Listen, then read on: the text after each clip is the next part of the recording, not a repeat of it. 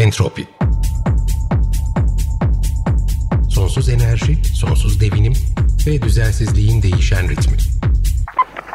Hazırlayan ve sunan Likel Mekberzade.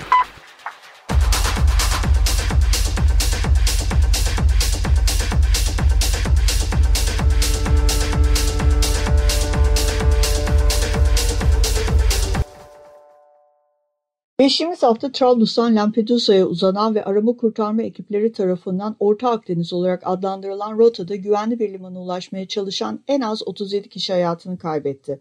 Sivil Arama Kurtarma Organizasyonu Sea-Watch'a göre bir kısmı susuzluktan öldü, bir kısmı da boğuldu. Uluslararası Göç Organizasyonu IOM'in verilerine göre Ocak ayından bu yana bu hat üzerine yani namı diğer Orta Akdeniz'de 823 kişinin boğulma sonucu öldüğü zannediliyor. Bununla birlikte 155 kesinleşen boğulma vakası var. 5 dehidrasyon ve 5 hipotermi sonucu ölüm, 2 de aşırı miktarda deniz suyu içme sonrası ölüm vakası kayıtlara geçmiş durumda. Ayrıca gene IOM verilerine göre en az 900 kişi de Libya'ya zorla iade edildi. Sea-Watch ekibinin iki uçağından biri olan Moonbird, gene geçtiğimiz günlerde Akdeniz'i geçmeye çalışan 8 şişme bot ve boş bir ahşap tekneyi raporlarken daha önce gözlemledikleri 15 bottan birinde kayıp olduğunu söylüyor. Her ne kadar Cenevre Konvansiyonu'na göre güvenli bölgeye sığınmaya çalışan mültecilerin geri püskürtülmesi ya da kaçtıkları ülkenin güvenlik güçlerine teslim edilmeleri bir nevi geri iadeleri non-refoulement kapsamına girse de hak ihlali sayılsa da daha birkaç gün önce Malta'nın kooperasyonu ile uluslararası sulardaki insanların Libya sahil güvenlik güçlerine teslim edildiği de Sea-Watch'tan gelen haberler arasında. Benzer raporları gerek Birleşmiş Milletler gerekse bu bölgede arama kurtarma yapan sınır tanımayan doktorlar gibi diğer birçok irili ufaklı STK'da sürekli yayınlıyor. Akdeniz tam bir can pazarı. Libya'daki gözaltı merkezlerinde uygulanan işkence hikayelerine entropinin geçmiş bölümlerinde bir nebze değindik. İlerleyen bölümlerinde de bu konuyu detaylı ele alacağız. Ancak özetle bu merkezlerden kaçmayı başaranlar can havliyle Akdeniz'i geçmeye çalışırken bu sefer de denizin üzerinde görünmez bir biçimde yükselen Avrupa surlarına takılıyorlar. Fortress Europe ya da Kale Avrupa Sahil Güvenlik Kuvveti Frontex aracılığıyla denizleri mültecilere kapatmış durumda. Az sayıda arama kurtarma operasyonu, bu operasyonları yürüten STK'lara açılan davalarla gemilerinin aylarca limanlarda çıkış izni alamamasıyla bezdirilerek bertaraf edilmeye çalışırken Orta Akdeniz'de binlerce kişi ya ölüyor ya da Libya'ya geri iade ediliyor. Konuğumuz Orta Akdeniz'deki gözümüz kulağımız Sea-Watch ekibinin havadan arama kurtarma biriminin başında ve organizasyonun her iki uçağında pilotu olan Felix Weiss. Az sonra kendisinden birinci elden Orta Akdeniz'de neler yaşanıyor, bunun sebepleri ve biraz da dünden bugüne neler değişti zamanımız el verdiğince konuşacağız. Bugün günlerden 26 Temmuz 2021, Entropi'ye hoş geldiniz. Dear Felix, welcome to our show. You're uh, part of the Sea-Watch Sevgili Felix, programımıza hoş geldin. Sen Sea-Watch ekibinin bir üyesisin ve siz Orta Akdeniz'de devam eden mülteci geçişlerini izliyorsunuz. Ve bunu uzun bir süredir yapıyorsunuz. Bugün biz daha doğrusu sen bize Orta Akdeniz'de neler oluyor onu anlatacaksın. Bu çok önemli çünkü daha geçtiğimiz hafta Kaş ve Rodos açıklarında iki plastik bot alabora oldu ve biz geçişlerin devam ettiğini biliyoruz. Ancak bilmediğimiz Orta Akdeniz'deki durumun ne kadar kritik bir hal aldı. Siz bu durumu yakından izliyorsunuz. Rica etsem bize önce Sea-Watch'taki görevden bahseder misin ve sonrasında da Orta Akdeniz'de neler oluyor bize anlatır mısın? Could you please tell me first what you do for Sea-Watch and could you please also follow up with what is going on in the central Mediterranean. Yeah, so uh, thank you very much for the invitation. Uh, Davet için çok teşekkürler. Adım Felix ve 4 yıldan uzun bir süredir Sea-Watch ile birlikteyim. Ve Sea-Watch'un iki uçağı Moonbird ve Seabird'den sorumluyum. Lampedusa'dan neredeyse Libya kıyısına kadar varan bir alanı bu uçaklarla açık bir şekilde sorun yaşayan vakaları bulmak ve aynı zamanda insan haklarına aykırı vakaları belgelemek için tarıyoruz. Özellikle son aylarda gördüklerimiz bizi oldukça endişelendiriyor. Özellikle Haziran sonundan bu yana bir önceki yılda kıyasladığımızda çok daha fazla cansız bedenle karşılaşıyoruz. Yaz olmasında bunda etkisi var ve bunda da birkaç aktörün rolü var. Özellikle sözde Libya sahil güvenliği. Özellikle bu yıl birçok özel kapasite kazandılar ve biz bu sözde Libya sahil güvenlik kuvvetlerini destekleyen başka aktörler de görüyoruz. Bu geçişleri bloke etmek ya da başka deyişle bu göçmenlerin mümkün olduğu kadar Avrupa kıyılarına ulaşmasını engellemek isteyen Frontex ve başka Avrupalı uçaklar gibi. Bunlar aynı zamanda bu göçmenleri yakalamayı ve onları Libya'ya yasa dışı yöntemlerle iade etmeyi amaçlıyorlar. Son birkaç haftada gördüklerimiz de bizi oldukça endişelendiriyor. Örneğin 30 Haziran'da sözde Libya sahil güvenliğinin Malta arama kurtarma bölgesinde ateş açmasına tanık olduk. Ki burası hali hazırda uluslararası sular. Ama buradaki koordinasyon sorumluluğunun tamamı Malta'nın ve biz Libya sahil güvenliğinin Malta karasularında ne yaptığını gerçekten çok merak ediyoruz. Çünkü burası Avrupa'nın yetki alanında. Ve dediğim gibi oldukça kalabalık ahşap bir tekneye defalarca ateş açtılar ve tekneyi etrafında yaptıkları çok tehlikeli manevralarla alabora etmeye çalıştılar. Bu da bize Libya sahil güvenliğinin neyi amaçladığını açıkça gösteriyor. Çünkü o teknedeki insanların hayatları umurlarında değil. Sadece onları yakalayıp Libya'ya geri götürmek istiyorlar. They also try to capsize the boat, to flip it over by really, really dangerous maneuvers. Um, and this has shown us quite a lot or quite clear basically what aim or what goal is um, aiming for the uh, Libyan Coast Guard because they really don't care about the persons there just want to intercept them basically to, and bring them back to Libya. Birkaç gün önce başka bir teknede gene bu tarz bir yakalama sırasında 20 kişiden 12'si hayatını kaybetti. Biz bu vakaya tanıklık etmedik ama bizim uçağımız öncesinde bölgedeydi ve bu insanların yakalama esnasında boğulabileceği konusunda uyarı yaptı.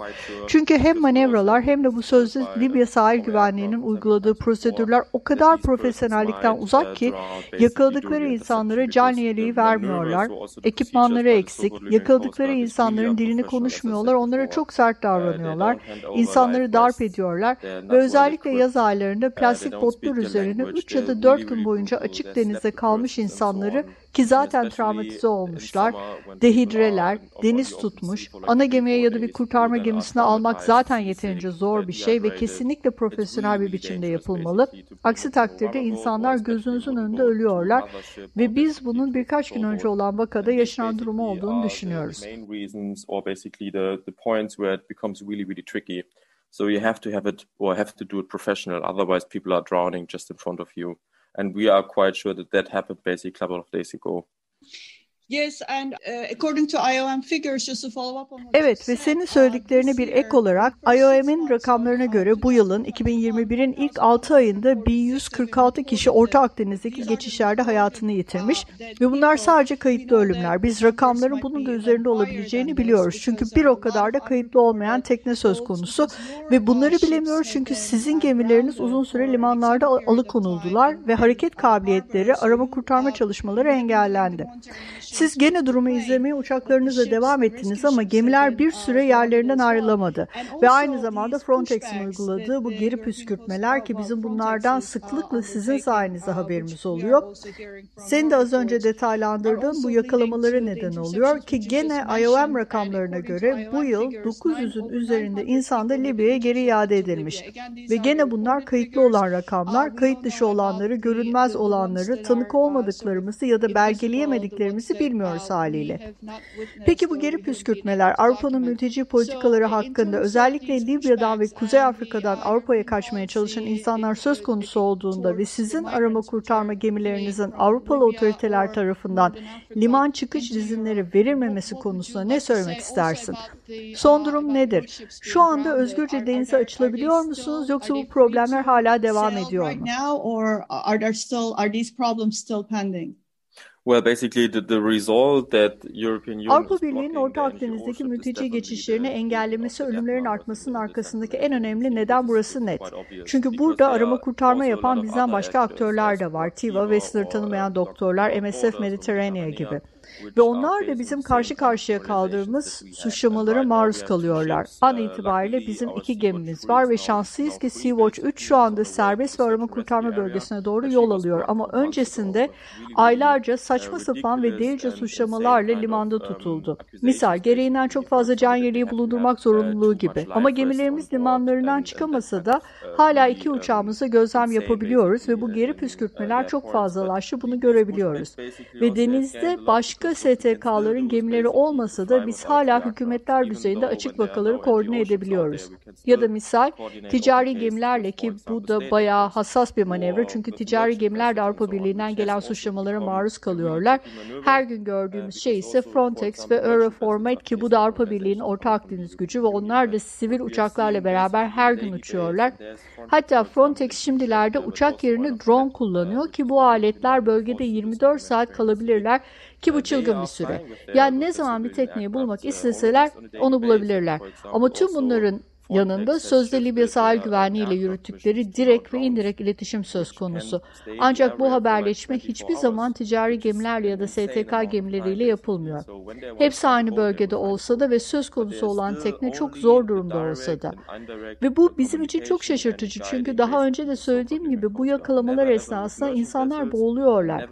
Ve biz daha 3 hafta önce bu yakalamaların nasıl yapıldığına şahit olduk. İnsanları ateş ediyorlar, umurlarına bile değil ve tüm bunlar Avrupa göç politikasının bir sonucu. Bu politika sorunlu ve bu politika yüzünden de bizim uçaklarımızı engelliyorlar ya da engellemeye çalışıyorlar. Aynı gemilerimize yaptıkları gibi. Çünkü biz orada olmadığımızda bu tarz insan hakları ihlallerini belgeleyecek kimse de kalmayacak.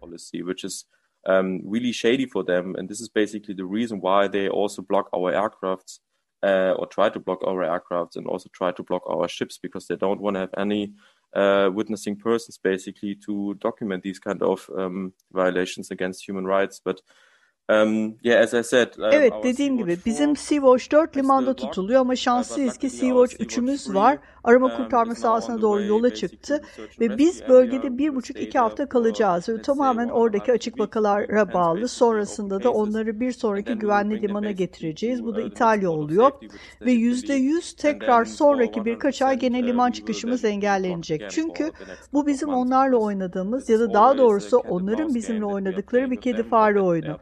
Ve evet bu üzücü. Bizim denize çıkmamıza izin veriyorlar ama ancak yılda birkaç kez ve bu çok ciddi bir problem haline geliyor. Özellikle küçük STK'lar için. Çünkü çıktığımız her sefer bir basın açıklaması ve finansman gerektiriyor. Ve biz dış dünya ile olan iletişimi de devam ettirmek zorundayız. Orada neler oluyor anlatmak durumundayız ve bu engellemeler üzücü bir hal alıyor. Bu durum özellikle İtalyan STK'lar için geçerli. Çünkü onlar iletişim hedeflerini tutturmak zorundalar. Özellikle Orta Akdeniz'deki deniz kurtarmaları söz konusu olduğunda communication goals basically when it comes to sea rescue in the Central Mediterranean Sea. Thank you Felix for all this information. This is fantastic. Çok teşekkürler Felix. Tüm bu bilgiler için bunlar harika. Dilersen az önce bahsettiğim bu ticari gemiler konusuna geri dönelim. Şimdi benim bildiğim, kendim de bir deniz insanı olduğum için denize zor durumda olan birilerini görürsen sorgusuz sualsiz kurtarırsın. Bu hayati önem taşır ve beklenen şeydir de. Ancak bu ticari gemilerin durumunda yani deniz aşırı ticaret yapıyorlar sonunda ve deniz üzerinde zor durumda kalmış bir tekneyle karşılaşıyorlar etmişler. Üzerine birçok insan var, susuz kalmışlar. Üzerine bulundukları tekne batmak ya da belki yanmak üzere ve bu insanları kurtarıyorlar. Ve birden bir bakıyorsun kurtarmayı yapan ticari gemi denize mahsur kalıyor. Çünkü ülkeler limanlarını açmıyorlar. Çünkü gemide mülteciler var. Ülkeler bu yüzden gemiyi kabul etmiyorlar. Doğru mu söylüyorum? Ve bununla birlikte bu belki de deniz insanlarının sahip olduğu en önemli deniz kuralı zor durumda olan birilerini görürsen onları kurtarırsın. Bu çelişki bugünlerde nasıl çözümleniyor? Uh, Ana problem şu ki bu tarz durumlar ile daha önce de karşılaştık. 2018'den önce ticari gemiler bu arama kurtarma bulmacasının bir parçası olmak pek istemiyorlardı ama gene de zor durumda olan insanları kurtardılar ve onları ya Avrupa'ya getirdiler ya da daha iyisi onların İtalyan ya da Maltalı sahil güvenlik tarafından güvenli transferlerini organize ettiler. Ama ticari gemilerin ciddi suçlamalara maruz kaldıkları durumlar oldu. Bunlardan en popüleri Maersk vakasıydı. Maersk en geniş ticari filolara sahip bir şirket. TSM petrol tankeri vakasındaki bu inanılmaz büyük bir gemi ağzına kadar petrol dolu ahşap bir teknedeki 32 kişiyi kurtardılar ve sonrasında da 6,5 hafta denize mahsur kaldılar. Çünkü Maltalı yetkililer evet sen kurtarmayı yaptın ama bizimle koordinasyonda değildin ve Libya arama kurtarma bölgesindeydin o zaman bunları Libya'ya iade etmelisin dedi. Ki bu insan hakları kanunları ve Cenevre Konvansiyonu çerçevesinde yasak. Her ikisi de bu insanları bir sonraki sonraki güvenli limanı getirmelisin der. Ve bu liman ne Libya ne de Tunus. Ve bu kurallar bizden kaynaklanmıyor. IOM ve Birleşmiş Milletler bunu söylüyor. Ve sonuçta 6 hafta Malta sularında mahsur kaldılar. İnsanlar kendilerini gemide öldürmeye kalktı çünkü ticari gemilerde tıbbi yardım bulunmuyor. Buna yetkili personel yok, yeterli yiyecek yok vesaire. Ve bu aslında Maltalı otoritelerin tüm ticari gemilere dağıttığı bir resim oldu. Ne zaman siz bizim iznimiz olmadan göçmenleri yakalarsınız, uzun süre denizde mahsur kalırsınız. Ve bunun çok büyük bir etkisi var. Birçok ticari gemi kurtarmakla yükümlü ama bizimle teması geçiyorlar ve burada açık bir vaka var ama biz Maltalı kurtarma koordinasyon merkezlerine ulaşamıyoruz diyorlar. Çünkü Roma ve İtalya'daki bu kurtarma koordinasyon merkezleri sorumluluğu Tripoli'ye aktarıyorlar ve Tripoli'de bu insanları yakalamak ve Libya'ya geri götürmek için burada kendi Libya sahil güvenlik botlarını gönderiyor. Ve bu pratik insanları öldürüyor. Çünkü bazen demin de söylediğim gibi ticari bir gemi yakınlarda belki vakadan sadece birkaç deniz mili açıkta ve bu kurtarma koordinasyon merkezleri 8, 10, 12 saat bekliyorlar neredeyse ta ki Libya sahil güvenlik bölgeye gelip onları geri götürene kadar. to intercept them and bring them back to Libyan shore. And this practice also kills persons because sometimes, as I said, uh, a merchant vessel is next by, just a couple of nautical miles uh, away from the from the distress case. But these rescue coordination centers still waiting for like 8, 10, 12 hours basically until the Libyan Coast Guard is showing up and basically uh, bring them back. Uh, bir başka şok eden şey ise ki çok başımıza geliyor. Son iki ayda iki kere karşılaştık örneğin. Uh, bir offshore tedarik aracı. Bunlar genellikle petrol istasyonlarının yanında bulunurlar ve devletlerin petrol şirketlerine çalışıyorlar. Libyalı ya da İtalyan petrol şirketlerini. Bu araçlar zor durumdaki insanları kurtarıyorlar ve sonrasında onları Libya sahil güvenliğine teslim ediyorlar. Ve bu aslında tamamen yasak ama aynı zamanda da hukuk önünde gri bir bölge. İtalya hükümeti tarafından çokça destekleniyor ve bu durum bizim açımızdan tamamen şok edici. Çünkü kurtarıyorlar ve sonra tamam biz yaptığımızı yaptık ama kurtarma koordinasyon merkezleri bizi kurtardığımız insanları sözde Libya sahil güvenliğine transfer etmemiz yönünde koordine etti diyorlar. Çünkü dediğim gibi koordinasyon merkezleri tüm sorumluluğu ve tüm gücü Libya kontrol merkezine aktarıyor. Ve bu da onlara bu tarz manevraları yapma gücü veriyor. Şu anda durum gerçekten korkunç ama aynı zamanda da bu Avrupa Birliği'nden gelen ajanda noktalarından birisi. O da Orta Akdeniz'de bulabildiğin her dayanışmayı parçala. Bu STK gemilerinden geliyor olsa da ticari gemilerden geliyor olsa da. or also to merchant vessels. And this is also our goal when it comes to airborne operations. Bu aynı zamanda bizim uçuşlarımız söz konusu olduğunda da hedeflerimizden birisi. Daha önce söylediğim gibi iki uçağımız Moonbird ve Seabird ticari kaptanlarla kontak kur ve onlara net bir şekilde söyle. Tamam bunlar sizin haklarınız. Bu yapmanız gereken şey. Aksi takdirde yasa dışı hareket etmiş oluyorsunuz. Ve ne zaman bu tarz bir karşı karşıya kalmaya maruz kalırsanız biz size destek veririz. Konu her ne olursa olsun diyoruz. Bu bir gemi şirketi olsa da bizim Sea-Watch'ta hedeflerimizden birisi kurtarma kapasitesini artırmak, insanların kurtarılması ve günün sonunda Avrupa kıyılarına geri getirebilmeleri için. Uh, ve sırf bunun için siz suçlanıyorsunuz hakkınızda davalar açılıyor. Hali hazırda mahkemeleri süren davalar ve sizin üyelerinize atfedilen suçlamalar var. Sadece insanları kurtardıkları için ve bunların bazıları aynı senin de söylediğin gibi trajikomik suçlamalar. Gemilerde bulundurduğunuz can yelekleri sayısı gibi örneğin ya da her neyse nasıl idare edebiliyorsunuz? Yani günün sonunda sizin arkanızı dayadığınız büyük fonlar yok. Bağımsızsınız. Çok da büyük uluslararası bir organizasyon değilsiniz. Tüm bu davalar ve zorluklarla nasıl başa çıkabiliyorsunuz? Bunlar sizi yıpratmıyor mu? Bize biraz da işin bu tarafından bahsedebilir misin? uh, source of income. You're not being funded by a, a big conglomerate or a large uh, international agency. How how is this uh, taking? Is, is it taking a toll on you, or are you managing somehow? Could you tell us a little bit about these court cases that are going on? Bizi kesinlikle etkiliyor. Hemen her dava hem operasyonumuzu hem ofisteki çalışmalarımızı ve genel olarak tüm organizasyonumuzu çünkü biz geçmişte İtalyan hükümetin deniz kurtarmalarını durdurmak için ne yapmak istediğini gördük. Örneğin Juventus davası var. Dört kişi birkaç yıllık hapis cezası gibi çok ağır suçlamalarla karşı karşıyalar ve biz aynı zamanda casusluk ve kontrol etmek ile de saldırı altındayız. İki kaptanımız Arturo ve Corolla da hala birçok suçlamayla karşı karşıya. Um, our two captains, Arturo and Carola, are still facing several uh, criminal um, recharges. So um, this is this is basically a, a huge thing and bu çok büyük bir durum ve aynı zamanda bizim iki uçağımıza da gelirsek biz bu operasyonları İsviçreli bir STK ile ortak yürütüyoruz. Adı İnsani Pilot İnisiyatifi ve bu pilotlar aslen pilot. Yani bunu böyle söylemek çok aptalca ama pilotlar. Ve onlar ne zaman ceza alsalar ve İtalyan mahkemesine çıkmak zorunda kalsalar işlerini kaybedecekler. Ve bu da kişinin mahvolması demek. Ve bu bizim kesinlikle göz önünde bulundurmamız gereken bir şey. Yani bir kişiyi ilerleyen senelerce işsiz bırakabilirsiniz. Bu çok büyük bir şey. Biz bunu bayağı iyi idare ettik diyebilirim. Çünkü eskiden bu suçlamalarla bizim uçaklarımıza ve gemilerimize saldırıyorlardı ama kaptanlarımıza o kadar dokunmuyorlardı. Ama şimdiki durum birkaç yıl öncesinden farklı. Misal Kurula'nın davası hala devam ediyor. İki yıl önce açıldı. Davalardan biri hala devam ediyor ve birkaç yıl boyunca da devam edebilir. Ve bu bizim hayatımızı çokça etkiliyor. Çünkü seyahat edemiyor, kendi işini yapamıyor. Çünkü o bir gemi insanı ve bu suçlamalar ve cezalar sonuçlanana kadar büyük gemilerde çalışmasına izin yok. Ve bu bizi endişelendiriyor ve pilotlarımızı ve kaptanlarımızı korkutuyor. Tabii ki tüm organizasyonumuzu çünkü aktivistlerimizi ne kadar daha ön saflara koyabiliriz tekrardan düşünmemizi gerektiriyor.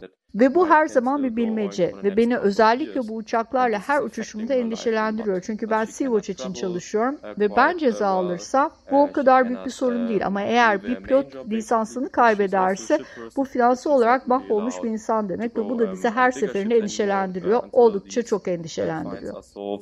İt's it's it's attacking us quite a lot and it's also worrying us and it's scaring us especially our pilots and especially our captains and of course our organization in, in general because we also have to uh, rethink basically how far we can put our activists into the front line you know? And it's that's it's always a puzzle and it's always worrying me especially when i'm flying with these aircraft because i work for sea-watch so when there's a fine on me it's okay but as i said when when a pilot is losing his license and it's a financial ruined person for ages and this is um, worrying us uh, a lot every time Yeah, I, I totally can understand and uh, totally empathize. Uh, thank you so much, Felix. Çok teşekkürler Felix vakit ayırıp katıldığın ve bize hem Orta Akdeniz'de hem de Sea-Watch'ta neler oluyor birinci elden aktardığın için. Seni programımıza tekrar davet etmek isteriz. Malum Açık Radyo ismine uygun bir şekilde her sesi açık bir radyo ve acil bir durumda gözlemlerinizi paylaşmak istediğiniz zaman biz size yer vermekten her zaman mutluluk duyarız.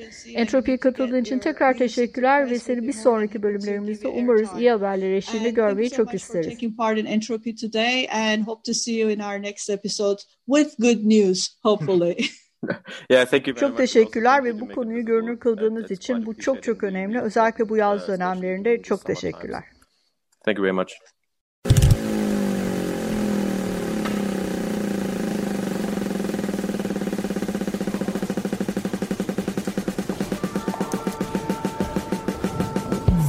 Entropi Sonsuz enerji, sonsuz devinim ve düzensizliğin değişen ritmi. Hazırlayan ve sunan Likel Mekberzade.